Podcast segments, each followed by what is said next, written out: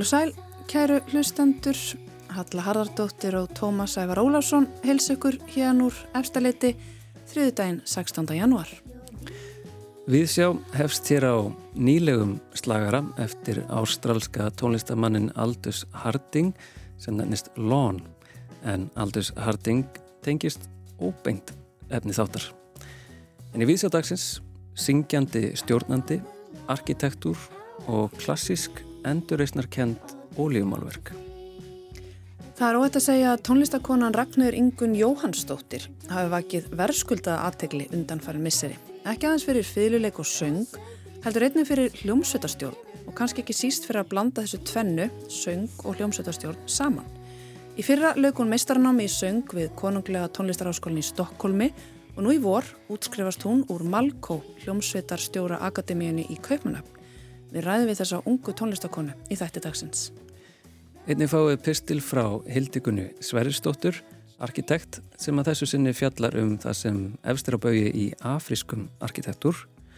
En við hefjum þáttin að kíkja niður á hverfiskötu í galerið Portfolio. Þar stendur nú yfir síningin á bláþræði og þar hanga á veggjum óljumálverk í endurreysna stíl sem vísa fram og aftur í lista og menningasöguna en eiga einnig í samræðið við samtíma okkar. Þetta er fyrsta engasýning Herdísar Hlýf Þorvaldsdóttur eftir útskrift úr Listaháskóla Íslands. Herdís tók á móti mér í galleríinu í morgun.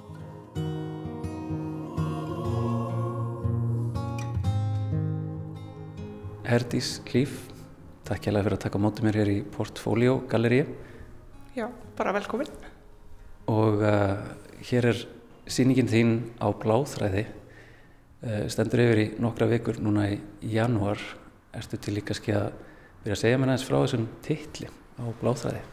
Já, algjörlega. Um, þetta hérna tengir bæði sko inn í pínu bara svona ástandið sem að bæði ég kannski var í í lok 2023 en líka kannski bara svona allir og, og bara samfélagið alþjóðarsamfélagið, Íslands samfélag og líka þá er svona stef í verkonum mínum uh, og hefur verið lengi svona bláir þræðir sem eru svona æðavefur og já, þannig að þetta er svona að blanda af þessu tvennu. Og uh, þetta eru málverk, um, eiginlega, einmitt, þú lýsir því eiginlega sem sko klassísk enduraustnarverk nánast sko, en með miklu nútíma inn í því, hvernig, hvernig svona kemur klassíska enduraustnarverki til þín? Já, það er eiginlega bara búið að vera sko, ástriða bara síðan að ég eiginlega var bara krakki. Um, ég bjóð á Ítalju í smá tíma þegar ég var nýjára og ég bara eitthvað svona var fyrir einhverju hugljómun í einhverjum listasöfnum og er eiginlega bara búin að vera að þessu síðan. Það veist, ég byrjaði ekki á þessum verkum þegar ég var nýjára en þetta er búið að vera svona stefnan. Þetta virkar kannski eitthvað svona smá klísukjönd en þetta er eiginlega þetta móment að vera þarna nýjára í Uffizi-safninu, ég man alveg eftir þessu mómenti að standa fyrir framann um, Primavera eftir Botticelli og bara eitthvað svona fara út úr líkamannum. Og hvað leið ferðu síðan uh, til þess að nema list og, og, og enda hér uh, með þína já, fyrstu engasýningu eftir útskrift? Ég hef alltaf verið svona teiknandi og bara uh, alveg sen ég var krakki þá var ég alltaf einhvern veginn með blíjant í hönd og svo sagt, þegar ég var 17 ára þá allt í einu tók ég bara eitthvað svona ég man ekki alveg hvað var að gerast í höstum á mér en ég bara svona hætti í mentaskóla og fór í myndlistaskólan á Akureyri. Og var þar og læriði ólíumálverk þau kenna svona mjög klassíst málverk. Og svo þaðan þá bara er leiðin búin að vera bara bein hinga Þetta er ávar um sérstakur stíl sem að þú ert búin að tilengja þér og, og svona því að var að kynna mér um eitt svona fyrirlið þinn í aðranda þá, þá er hann einhvern veginn mjög svona heildræðn og sterkur. Það er mjög oft svona sjálfsmyndir, portrétt uh, sem þú setur einmitt í svolítið svona mm, söguleg samengi uh, og í gegnum einhvern veginn svona endurhaustnar stemmingu. En það er rosalega mikil nútími í þessu líka. Hvernig byrjar þessi stíl? Já, ég hef sko alltaf haft mikinn áhuga á myndlista og menningarsögunni. Mér finnst mjög gaman það var eiginlega bara uppáhalds áfangandi mínir þegar ég var að læra list, að læra um myndlistsöguna og þá sérstaklega þessi tímabeil endurreistina, barokkið, rokoko, kannski aðeins inn í romantík uh, og svo bara frekar lítið svona eftir modernism. Þetta er svona, þarna liggur þetta og þessar sjálfsmyndir sko, þær eru bara leið að einhvers konar sjálfskoðun, þetta er einhvers svona, uh, bachelorreikirinn mín var um sjálfsmyndasköpun sem þerapíu og ég var að velta því fyrir mér svona bara já, í myndlistarlegu eða myndlistarsögulegu samhengi um, að fólk er búið að vera að gera þetta og, og hvernig áhrif það getur haft.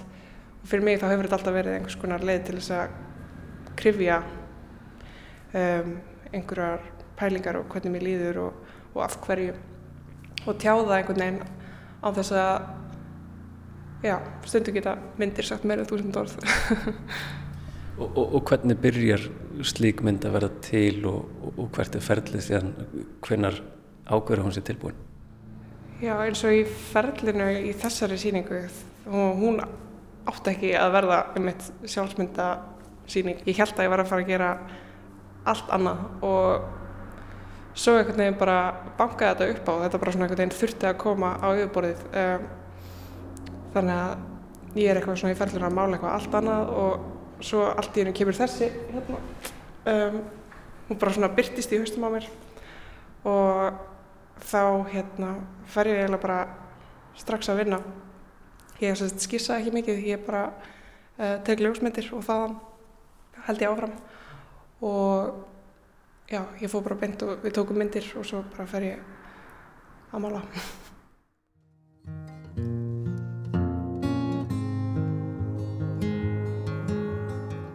Þetta er sem sagt málverk uh, sem er 50-50 cm í svörtum viðarramma. Þetta er portréttmynd, sjálfsmynd af mér. Frekar nálagt þannig að þú sér frá svona aukslinni og svo allan hausinn. Og konan er svona, svona bóin í baki og, og öll svolítið svona brotinn, öll eitthvað svona smá lítill. Það er maskari að leggja niður kynarnar og hún er með leðuról um hálsin með svona stórum göttum og svo eru sömu gattar á rammanum sjálfum þannig að hún er einhvern veginn já, römmuð inn í, í það efni. Þetta verk heitir Lítil í mér og er eiginlega bara nákvæmlega það. Ég var, ég var lítil í mér en mér fannst eitthvað skemmtilegt líka að gefa henni þessa leðurólar og þessa gatta og, og húðflúrin um, sem eitthvað svona hún er svo mikil töffari og hún er alltaf að reyna að vera svo mikil töffari og það er eitthvað svona smá svona í þessum gattum og, og í þessum í þessum, í þessum svona tísku statements er alltaf eitthvað svona smá svona ég veit ekki, kannski eitthvað svona eitthvað svona smá veggur í því en svo er hún bara lítill.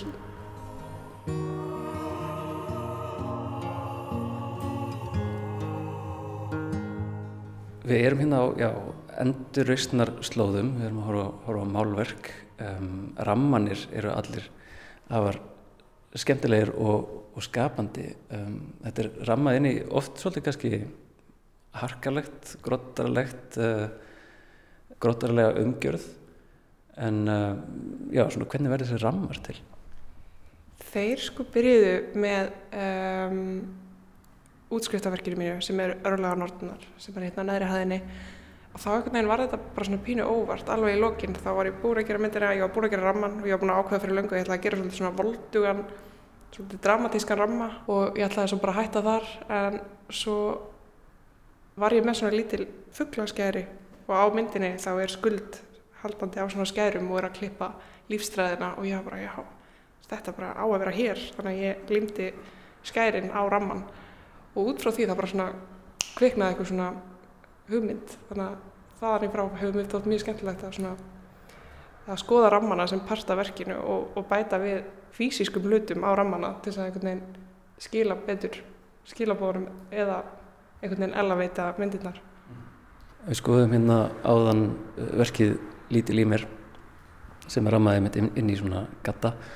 Og ég fór að velta fyrir mér um þetta sko berskjöldinni, þetta eru allt frekar svona berskjaldandi myndir. Það er, það er annarkort eitthvað svona til, rosalega mikið tilfinning í svipriðunum á myndunum eða það er alveg bara uh, nekt og svona, já þetta er svolítið svona óvarið en síðan er einhvern veginn fagufræðin í kring það eru einhvern veginn gattavírs tattoo það eru gattarnir, það er einhvern veginn það er einhver skjöldur. Er þetta svona samtal sem þú ert að reyna að eiga kanna þetta rými, eh, berskjöldunar og, og kannski skjaldarins Algjörlega, ég held að þetta sé líka bara svona tókstreita sem að ég er stanslust í bara uh, einhver töfraskapur og einhver skjöldur og, og einhver múr sem að ég er svo sjálf alltaf að reyna að brjóta niður og, og ég ger einhvern veginn í listinni svona nánast ómeðvitað þannig að þetta er eitthvað svona tvö öll sem að eru, eru alltaf að, já, hjá mér. Og, og, hvernig velur þið síðan þennan nútíma sem að þú svona læðir inn í þessi endurreysnarlegu verk? Um, maður finnur einhvern veginn, hafandi skoðað önnur verk eftir það er einhvern veginn rosa mikið verið að skoða sko, stuðu konunar líka svona tilfinning fyrir sko, klámvæðingu, það er oft svona, svona, kynferðslega myndir og já, svona hvaða samtal ertu að, að hefja eða eiga í? Þú varst eiginlega bara að, að telja upp það sem gerðist í bíaritgerðin minni. Þetta er, svona, þetta er bara um, einhvern veginn það sem að, veit ekki, vekur áhuga minn og er mér bara hugleikið. Og það kannski bara fælst einfallega í því að, að vera kona um, og að vera partur af uh, kynnslóð og samfélagi sem er mjög klámvætt og að bara vera einhvern veginn að alast upp á þessari upplýsingaöld og, og í sem einhvern veginn svona partur af einhvern svona árgangi sem er einhvern svona frumkvölar í, í samfélagsmiðlum og eitthvað þannig að þá verður þetta eitthvað svona sem að er ekki hægt að flýja Og þú komst aðeins inn á æðarnar, uh, bláþræðina uh, sem koma fram í mörgum þessari verka.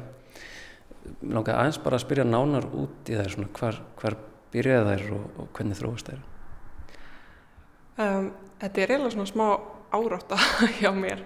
Um, mér finnst sko æðarnar okkar, bara mannfólksins, vera bæði eitt af fallegasta við mannslíkamann en mér finnst það líka algjörst ógeð. Ég er bara svona, það geta valdið mér bara klíu að pæla ómikið í þeim en mér finnst þetta samt svo einhvern veginn, það er svo mikil fegur því líka bara tengingu þeirra við við náttúruna og þú veist þetta er einhvern veginn svona eins og einhverja rætur, þetta er eins og, og rákirnar í laufum, þetta er eins og kókulófur uh, og en mér finnst samt eitthvað svo ótrúlega galinn og fáraleg pæling að þetta séu bara eitthvað svona einhverju blóðþræðir sem, að, sem er eitthvað svona inn í okkur og, og við erum bara eitthvað svona ekkert að pæli því já.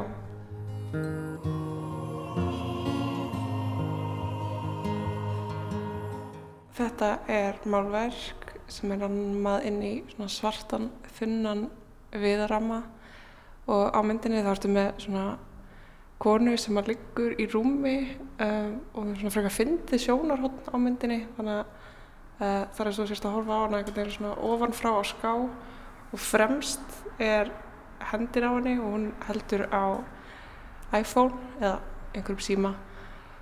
Og hún er sérst já að bara augljóslega einhvern veginn að horfa á eitthvað í símanum eða að skrolla eitthvað starf og í rýminu er greinlega myrkur og einhvers konar svona samherbyggis ljós en svo kemur aðal uh, ljósið á andlitinu á henni frá símanum, svona hvít ljós. Uh, og hún heldur á ráknúnu veiti og starir bara svona tómum augum inn í, inn í síman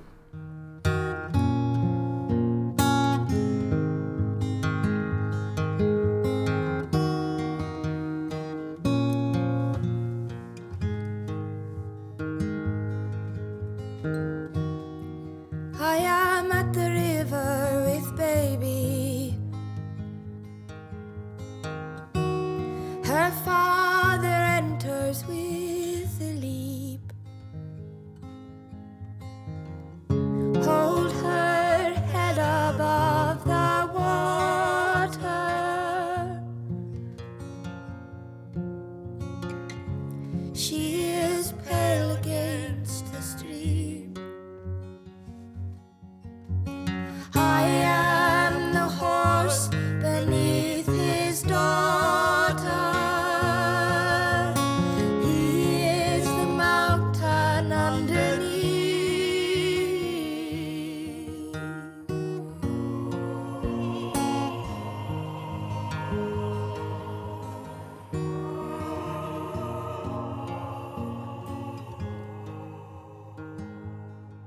Aldus Harding syngur hér um ástina, fórnina og dauðan, lægið Stop Your Tears af hennar fyrstu breyðskifu.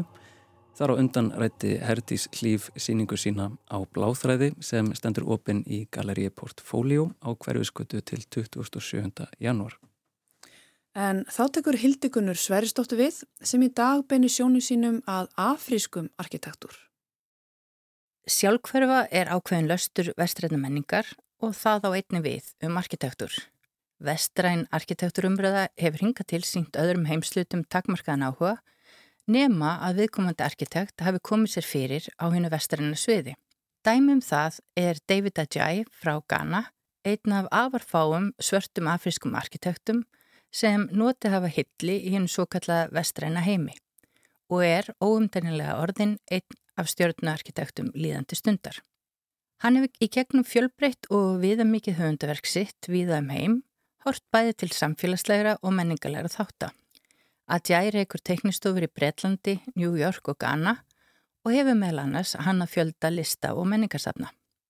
Í verkum sínum í Afriku leggur Adjæ áherslu á að skoða félagslegt og umhverfislegt samengi menningarhópa þvert á þau landamærastrygg sem nýlendu herrar teiknuðu en þjóðflokkar og lífið sjálft flæða yfir. Hinn vestræni arkitekturheimur virðist þó smátt og smátt að vera að opna hugu sín fyrir því sem er að gerast í öðrum heimsornum. Pritzker-verlunin er á pari við Nobelsverlunin í arkitektur. Stopna var til þeirra árið 1979 og er hlutverkaðra að heiðra arkitekt sem sínir afgerandi hæfileika í verkum sínum, sterkar sín, faglega einurð og fylgni sem sínt hefur sig að vera markvert framlag til mannkins og hins byggða umhverfis í afbyrða byggingalist. Það kemur svo sem ekki óvart þráttur er hálit markmið að meiri hluti handhafa eru kvítir karlar, gerðnan stjörnarkitektar sem betur eru þekktir fyrir stórar glæsibyggingar en sérstaklega áherslu á framgang mannkins í heilt. Það tók 25 ár fyrir fyrstu konuna, Saha Hadid, að hljóta þessa viðkynningu og árið 2022 dróð til tíðinda þegar fyrsti svarti afríski arkitektin Diabeto Francis Kere frá Burkina Faso hlaut velunin. Nánar verður vikið að verkum Keres síðar. Nýlega veki í písli að rannsóknum norðurafriskra arkitektursakfræðinga á ofbeldi nýlendaherrana sem með stórfældum yngrippum höfðu afar skadlega áhrif á mangjert umkörfi og náttúrulega innviði vatnasvið og lífkerfi. Hér má nefna tilrunni frakka og jæðri Sahara-íðu merkurinnar með allskins efnavopn. Þessar tilrunir hafa skilið eftir sig ljót ör í landi og mannvirki sem ekki hafa verið fjarlæð. En það sem alvarlega er hafa haft viðtek áhrif á heilsufar þegar hópa hýrðingja sem búa á þessum slóðum. Þessar sagfræðilegu rannsóknir eru sumar aktívisk leið til að varpa ljósi á afleðingar þessa tímubils og kalla fyrir um nýlenduherra til ábyrðar. Þessi endurskoðun og sín til framtíðar enginnir að sjálfsögðu flest ríki fyrir um nýlendaríkja Afriku. Mótun nýra sjálfsmyndar, ný viðmið, ný viðfónsefni í alþjóðlegu samengi krefjast þessar úrvinnslu. Margar afrískar stórborgir búa nú við þróttmikinn vöxt, en landbúnaðurinn byggir enn á fábrotnum búnaðar og lifnaðarháttum sem þjóna þörfum lítilla hópa. Enn er margt unnið í höndunum og framleiðsla ekki fjárháslega sjálfbær. Enda ríkir mikil fátakt á landsbyðum flestra Afríkuríkja. Eftir nýlendutíman tók í flestum tilfellum við einræðistjórnafar þar sem þjóðhefingjar dróðu persónulega að sér nær alla fjármunni af sölu hérna gríðalegu öðlindaríkjana og skeittu lítið um íbúa landsins og uppbyggingu innviða. Á síðustu missurum hefur ströymur fólks frá sveitum leiðin í stækandi borgir í leita betra lífi með tilhærandi kreppu í húsnæðismálum. Þessi gríðalegi vöxtur borgarna kallar á mikla uppbyggingu. Hún er fjármögnuð að veiku mætti af ríkjunum sjálfum sem og erlendum fjárfestum, sérilega í kynveskum. En uppbyggingin hefur líka eða för með sér gældarisvanda þar sem ríkinn þurfa að flytja inn efni og aðfeng til bygginga. Afrískir arkitektar eru afar fáir með við mannfjölda. Eþjópia telur til dæmis 130 miljónir íbúa en þar eru einingi skráðir þúsund arkitektar. Í samanbyrðum að nefna íslenskir arkitektar eru yfir 300 og fjöldi arkitekta til dæmis á Spáni sem er 40 miljóna þjóð er um 35.000 í samanbröð við 1000 í Eþjópiðu. Þessi sláandi fámenni hópur hefur í fangi sínu það mikilvæga verkefni að hanna og stuðlað uppbyggingu nýrar Afríku á forsendum íbúðanar. Arkitektar í Afríku standa því frammi fyrir gríðastórum verkefnum sem skiptast í tvo þætti, annars vera byggja upp borgir í samræmi við nýja tíma og hins vera bæta með aðferðum arkitekturs lífskilirði fátagra íbúa á landsbyðinni. Og þá ábyrð taka afrískir arkitektar alvarlega. Margir sjá sem hlutverk sitt að vinna gegn henni gríðalegu miskiptingu sem ríkir í þjóðum Afriku, millir hennar fá ríku og hennar yfirgnæfandi fjölda landsmanna sem býr við sárafátækt. Áherslan er að styrkja getu fátakra bænda og þorpsbúa til að búa sér mannsamandi bústaði og njóta grunnþjónustu á heimahögum og helst að geta fundið sér lífsöðuvari. Þá hafa leiðandi hugsuður og hannuður meðal hvern arkitekta einnilegt ríka áherslu á að hanna ímiskonar tengslenet til að styrkja og valdefla konur og stúlkur, hvað var þar mentun, aðgerðar á heimahögunum, sem og að leiðbenna yngri starfsystrum og hvetja þær til dáða í karlægum heimi. Þessar feminísku áherslur eru mikilvægt skref til að veita fátökum konum eldsneiti, skjól, mat og söluföru. Í nútíma arkitektur í Afríku er leitast við að beita nútíma teknilausnum og arkitektur á forsendum hefbundina byggingarefna með það fyrir augum að hægt sé að reysa hús á nokkrum dögum af þorsbúinu sjálfum án utanakomandi byggingarefna. Á þann hátt má byggja upp fjölda nýra þrónasvæða sem fallaði þörfum og stöðum í stað einflötur að lausna sem gagnast ítla í saminginu. Og þessa ábyrgum að sjá að afrískir arkitektur taka á sig með því að læra af og ebla Afríku. Eitt af því var þær skipilag upprættunarsvæða og byggð samingis. Framandi plöntur sem vaksa hratt og gefa fljótt af sér ávöxt hafa verið gróðusettar á yðnaðaskala allt frá nýlendutímum fram okkar daga. Plöntur sem tilæra ekki jarðvegi svæðisins og sjúa til sín verðmætt vatn og ruggla lífkerfið. En staðbundna plöntur sem heyra til umhverfisins eru feldar því þær vaksa hægar og falla ekki eins vel að kapitalískri framleyslu. Endurheimt þessar plantna er partur af skipulagi innfættir arkitekta og ekki síður annara aktivista sem starfa í þáu endurheimta lands og trjákaræslu, eins og til dæmis líffræðingsins og Nobels verðlunahafans hennar doktor Vangari Matai. Þá eru aðrir þeir þættir sem Vestræn-ríki leggja til og hafa verið fyrirmynd fyrir sem hendar Afríkiríkjum illa.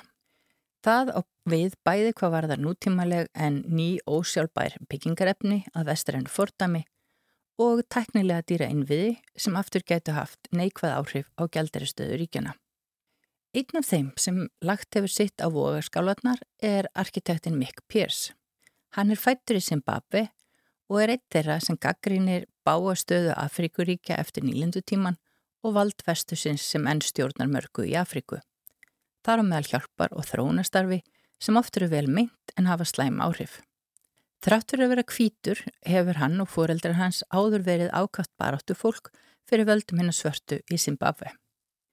Pérs hefur í áratíu lagt áherslu á byggingar sem krefjast lítils viðhalds, sem lámarka byggingar úr ekstrakostnað og stuðlað orkusbarnaði og sjálfbarni.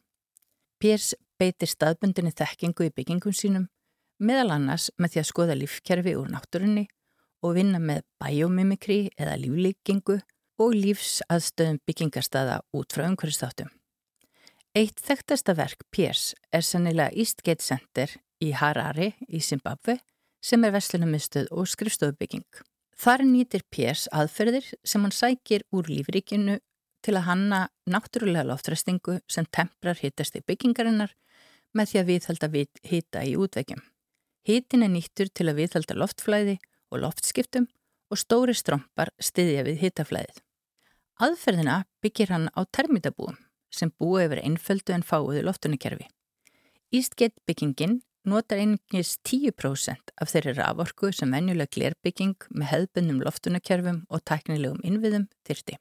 Að lókum við aftur beina sjónum okkar að Pritzker veluna hafa ársins 2022, Diabeto Francis Kirei. Kerei fættist í Burkina Faso árið 1965 og ólst upp í Þorpi við fátaklegar aðstæður. Fadir hans var þá Þorpsöðingin og vildi senda elsta són sinn til menta, helst svo hann geti lesið og miðlað aftur til sín. Þar sem engin skóli var í Þorpinu var hann sendur sem barn til frendarsins í borginni og lærði þar við slæmar aðstæður en var það undan um smiður.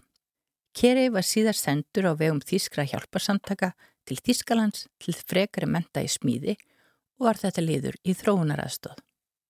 Eftir að hafa lokið smíðanámi ákvað Kerei að hefja námi arkitektur og fekk til það styrk.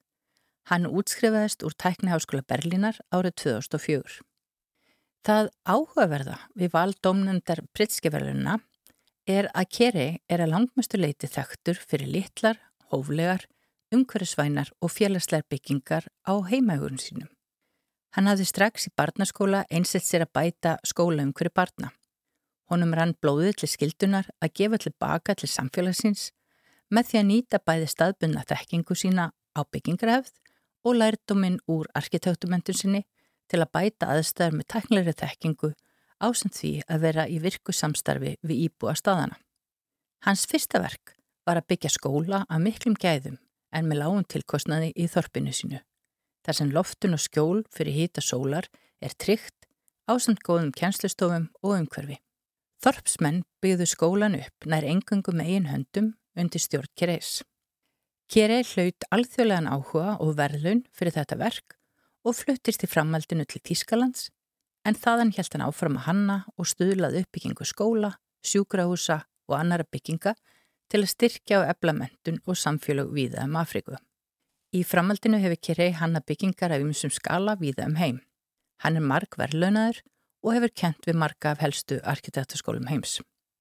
En það er hinn hugvitsamlega nálgun Kireis, samfléttun staðbundina efna og byggingaraðferða og teknilegra og fagur fræðilegra aðferða arkitekturs sem skila sér í einföldum en afar fáum byggingum sem þjóna vel takmörkuðum aðfengum í umhverjunu.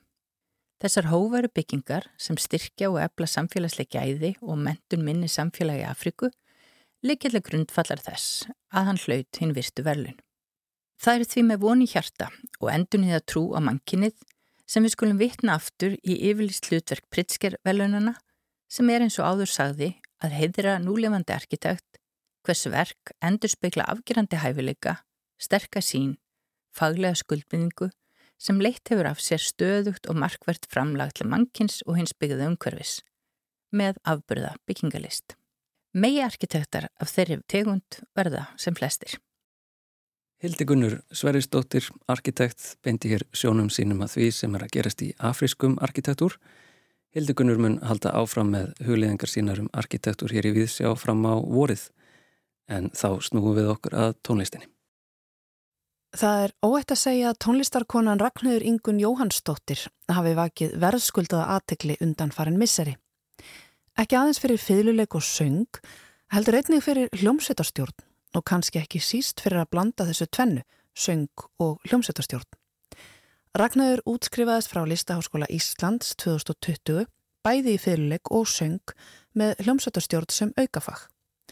Í fyrra lög hún meistarnámi söng við konunglega tónlistarháskólinn í Stokkólmi og nú í vor útskrifast hún úr Malko, hljómsveitarstjóra akademíunni í Kaupmannöfn. Ragnar var valinn Bjartasta vonin á Íslensku tónlistaverlununum í fyrra og hún hlaut nýveri styrk úr minningasjóði Jean-Pierre Jacquia en úr honum er útlutað einum námstyrk árlega til handa efnilegum nefnanda sem hyggur á framhalsnám í tónlist Erlendis. Ragnarður kom fram á hátægistónleikunum tónlistar næring í síðustu viku og hún kemur fram sem söngkona í tónleikaröðinni á ljúfum nótum sem fara fram í fríkirkjunni í næstu viku. Ég hitti Ragnarði til að spyrja út í þetta allt saman. Heyrum það samtal en fyrst smá tóndæmi.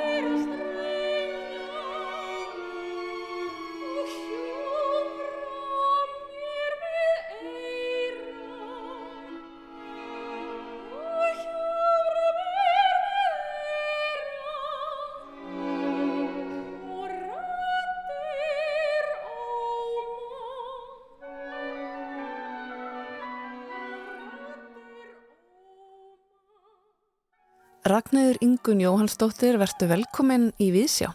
Takk fyrir. Hvaða tónlist er þetta? Þetta er eftir Jóhann G. Jóhannsson. Hann er vissilega pappi minn, mm -hmm. en hann er líka mjög skemmtlegt tónskált, af mínum að þið allavega. Uh, hann samti þetta verk sem satt fyrir mig, fyrir tónleikana Hvað syngur í stjórnandanum, sem fóru fram á Óperudögum 2022. Þá pantaði ég sem sagt verk frá honum og frá Ingi Björgu Íri Skarpjensdóttur og Maríu Huld Markan allt alveg frábært tónskáld uh, og þau semdu sem sagt verk fyrir mig sem syngjandi hljómsveitastjóra. Sérstaklega með það í huga að þú ert að stýra og syngja um leið. Já, akkurat og þetta er vist fyrstu verkin sem eru samin uh, fyrir þann tilgang. Já, hér á landi? Nei, bara heiminum. Í alvöru? Þetta fekk ég staðfest frá Barbara Hannigan sem er uh, klálega frægasti syngjandi hljómsveitastjóri örgla bara allra tíma. Er það ekki? Því hún er meistari. Og hún vakti mitt aðteglið þegar hún kom hérna á listaháttið í fyrra, ekki satt? Jú, bæð, ja, hún kom hérna á listaháttið hitti fyrra og svo kom hún hérna á vegum Sinfó í fyrra. Einmitt. Þessi hefð að syngja og stýra samhliða. Við þekkjum þetta sennilega út af Barbara Hannigan, en, en hvaðan kemur þetta? Vallega er hún fyrst að gera þetta? Jú, ég held að hún sé allavega svona svo fyrsta til að virkilega leggja þetta fyrir sig og, og gera þetta svona að atvinnugrein. Þetta hefur auðvitað eitthvað verið gert áður og kannski frekar með sko kórstjóra sem syngja með stjórna kór en, en voðalega lítið. Þannig að ég myndi segja að hún væri svo fyrsta sem svona gerði þetta virkilega. Og sérst, ég fekk að hitta hana þegar hún kom hinga til lands bæði fyrra og hitti fyrra og ég gerði nefnilega rittgerð og rannsókn á þessu fyrirbæri að syngja og stjórna samtímis. Þannig ég tók svona viðtal við hana og spurði hana út í þetta og fekk ímiðskoður ráð.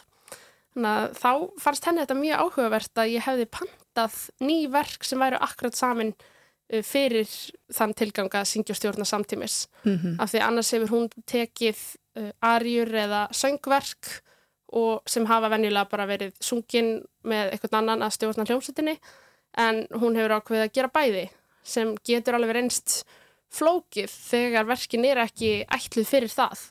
En núna þá uh, vissu tónskáldin að þau væru að semja þetta fyrir syngjandi hljómsættutjóra þannig að þau gætu haft það í huga allan tíman og svona sniði verkið að því. Þannig að nú þurfti ég ekki að hafa áhyggjur af því að tónskáldi er því óanægt með að, að söngkonan og hljómsættustjórin væri að fara þessa óvanlega leið. Ymmiðt. Hún er greinlega daldil fyrirmynd fyrir þig, Barbara Hannigan? Já, klárlega sko, en ég er svona að reyna að vera ekki eins og hún heldur að, að velja önnur verk og einmitt kannski feta aðra leið með því að gera frekar þetta að, að panta ný verk, frekar en að taka verk sem hafa, e, eru ætlið fyrir eina söngkonu og annan hljómsveitastjóra.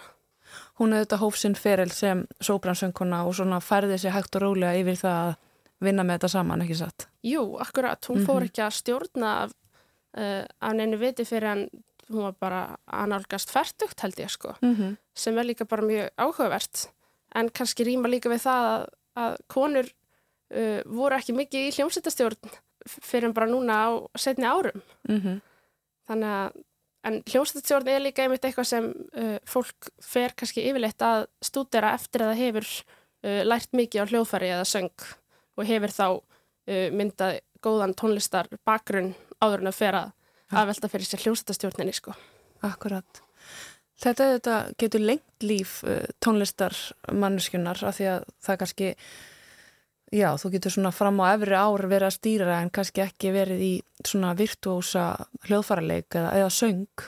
Nei, akkurat og einmitt örgulega sérstaklega ekki í svona eins og, eins og okkar uh, söng uh, tegund er, við erum báðar kólaratúr sóbransöngkonur sem þýðir að við syngjum svona mjög hátt uh, á háur atsviði og oft svona hraða skala og slíkt og þetta er eitthvað svona sem uh, maður er ekkit endilega að gera á efri árum. En svo horfum við til dæmis á Dittu sem var söngkennarinn minn. Ég fór nú síðast bara tónleika hjá henni í desember og hún bara söng eins og hún væri tvítjur sko. Bara fáralega erfi verk og bara lengst upp í ári og bara rúlaði því upp þannig að þetta er nú greinilega ekki algilt að Nei. maður get ekki sungið svona þegar maður er komin á sjötisaldurinn Einmitt.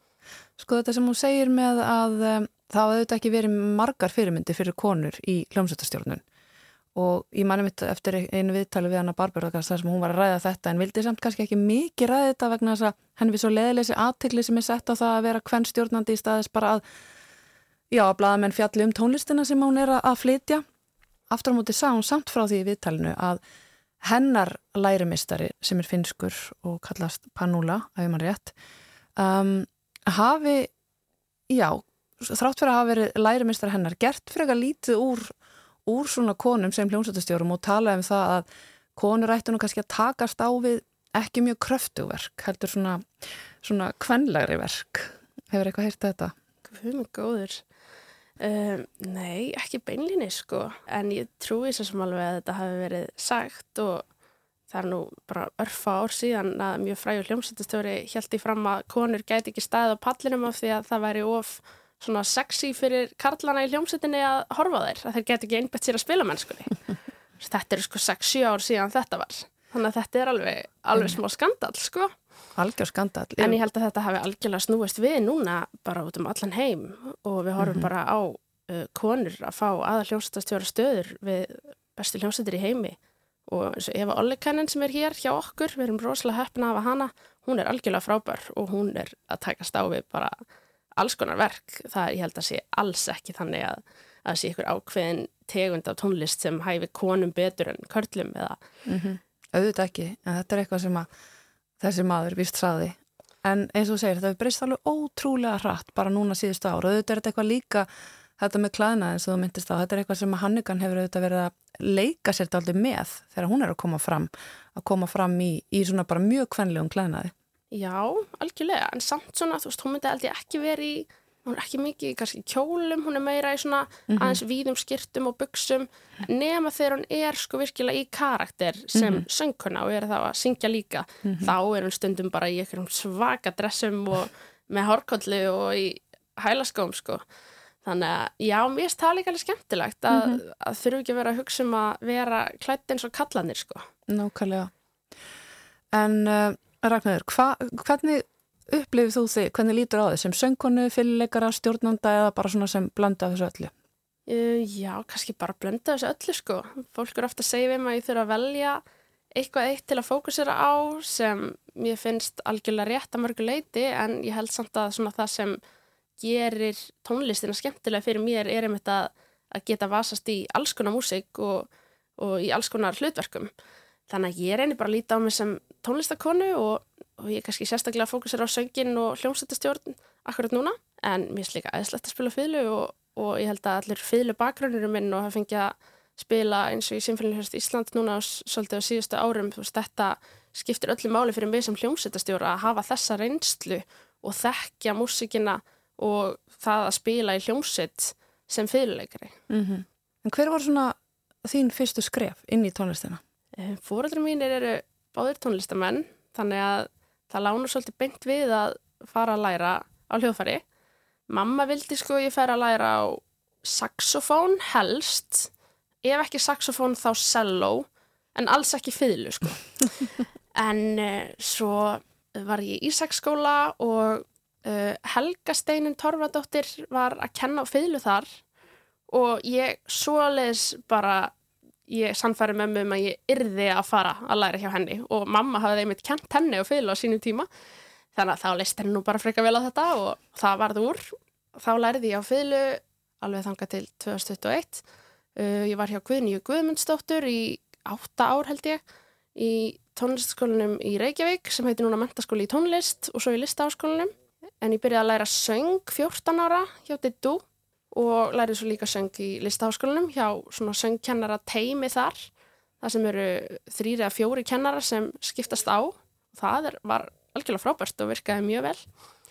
Um, en ég byrjaði að læra hljómsutastjórn uh, 2018 hjá Gunnsteinu Ólafsinni og það var eiginlega bara svona eitthvað sem fólk hafi farið að óta að mér að ég gæti nú kannski plumma mig vel í því starfi Þannig að þá hugsaði ég, já, why not? Af hverju ekki að prófa það líka? Og ég hafði mhm. verið í ballett lengi, þannig ég var svona áttu auðvelt með uh, reyfingar og, og svona líkams meðvitund og svoleiðis að skipti máli fyrir hljómsveitastjóra og hafði þegar náð svona svolítið góðum fjölbreyttum bakgrunni bæðið sem fyrirleikari og í söngnáminu þannig að það lág svolítið beint við og svo ekkert neginn tímdi ég ekki hætti í neinu af þessu þannig að ég er bara búin að halda þessu öllu, uh, öllu við og halda áfram að, að þróast á öllum þessum sviðum og ætla bara að sjá hvað framtíðin byrja skautið sér mm -hmm.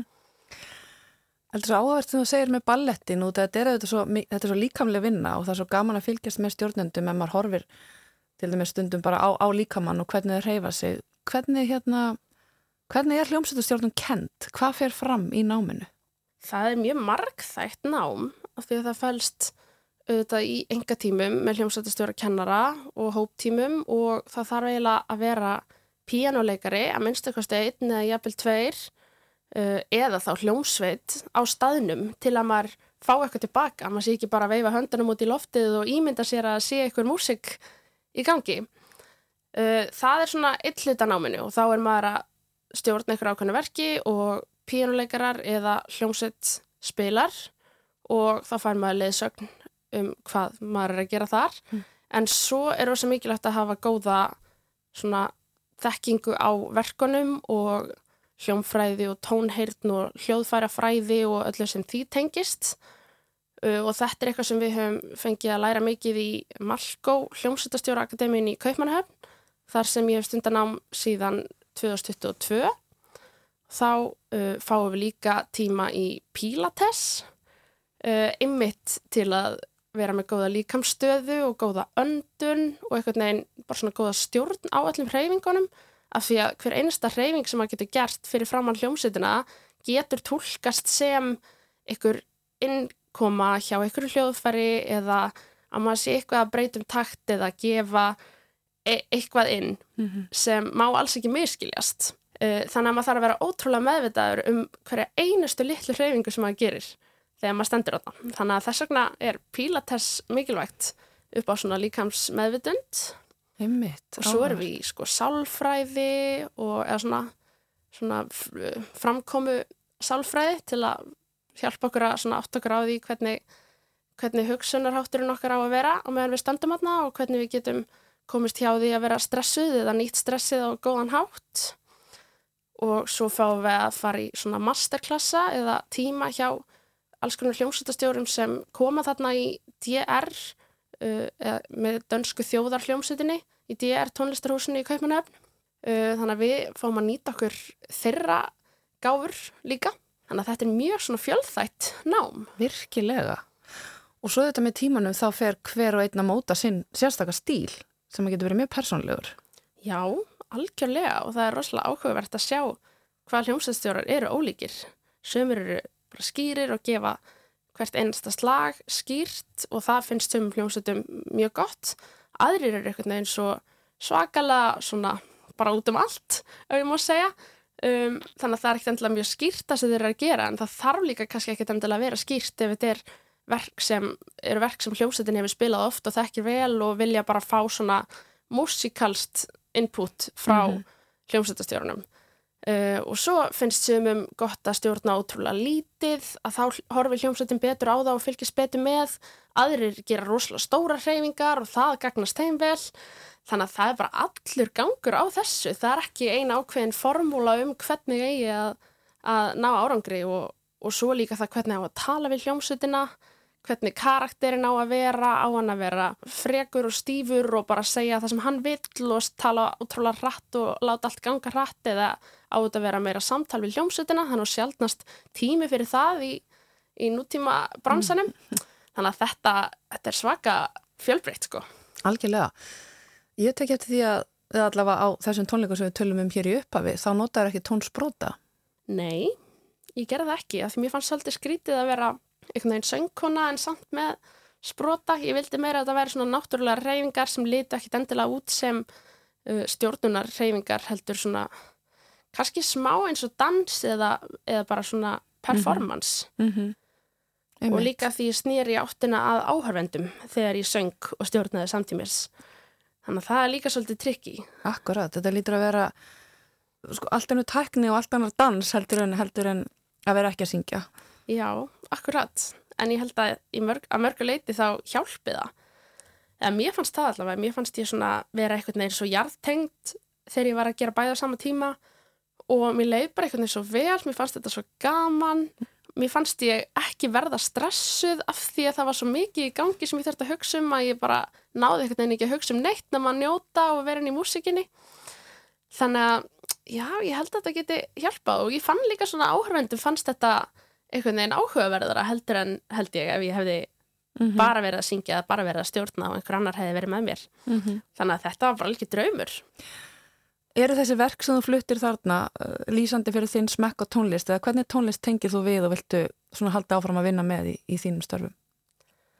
Ég hef verið svolítið mikið, jú, í svona nútíma músik uh, en er samt bara mjög hrifin af alls konar tónlist og ég held að það myndi engin, engin nenn að vera í tónlist nema af því að það er svo ótrúlega mikið af ólíkri tónlist til.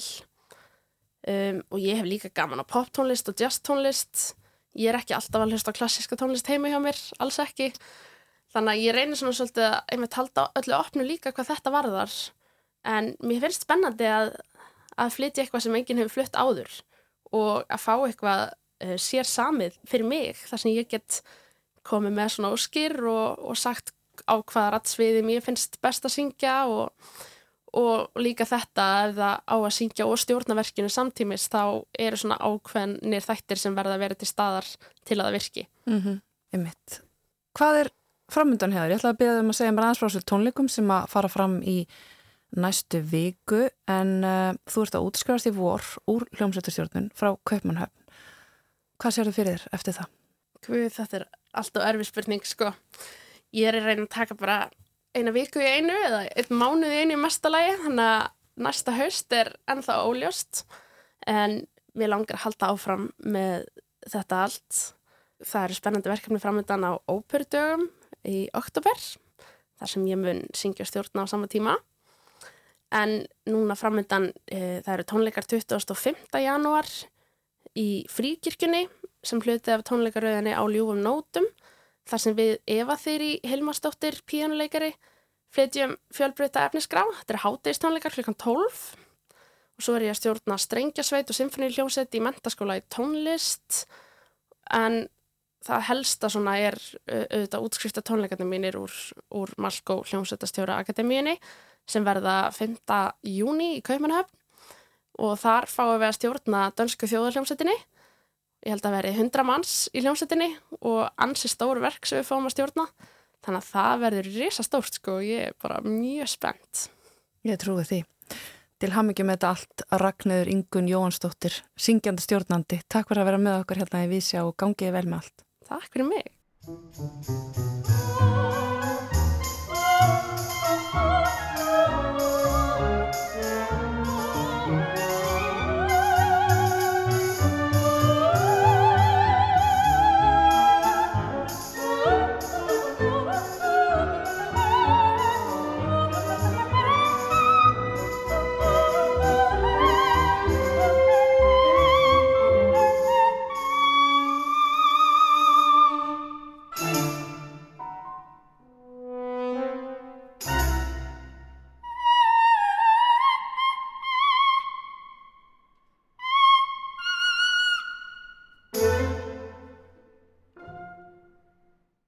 Hér heyrðum við syngjandi stjórnandan Ragnheiði Ingunni Jóhannsdóttur syngja brotur verki eftir Jóhann G. Jóhannsson. Þar áður rætti Halla við hana um hennar leiðað söng og hljómsveitastjórnun og æventýrin framöndan. Já, og þá er komið að lokum þáttar í dag. Við ætlum að enda ná því að spila selloverk í flutningi Gunnars Kvaran. Gunnar á afmæli dag fagnar 80 árum og mun að því tilefni halda tónleika í Seltjarnaneskirkju, lögadaginn 20. janúar klukkan fjögur. Við skulum hér lókin heyra Alemandkablan úr svítunum með tvö í démól eftir Bach, en þessa upptöku gaf Gunnar út á geisladiski árið 1994. Við Tómas og Halla þökkum samfélgin í dag. Heyrumst aftur á morgun.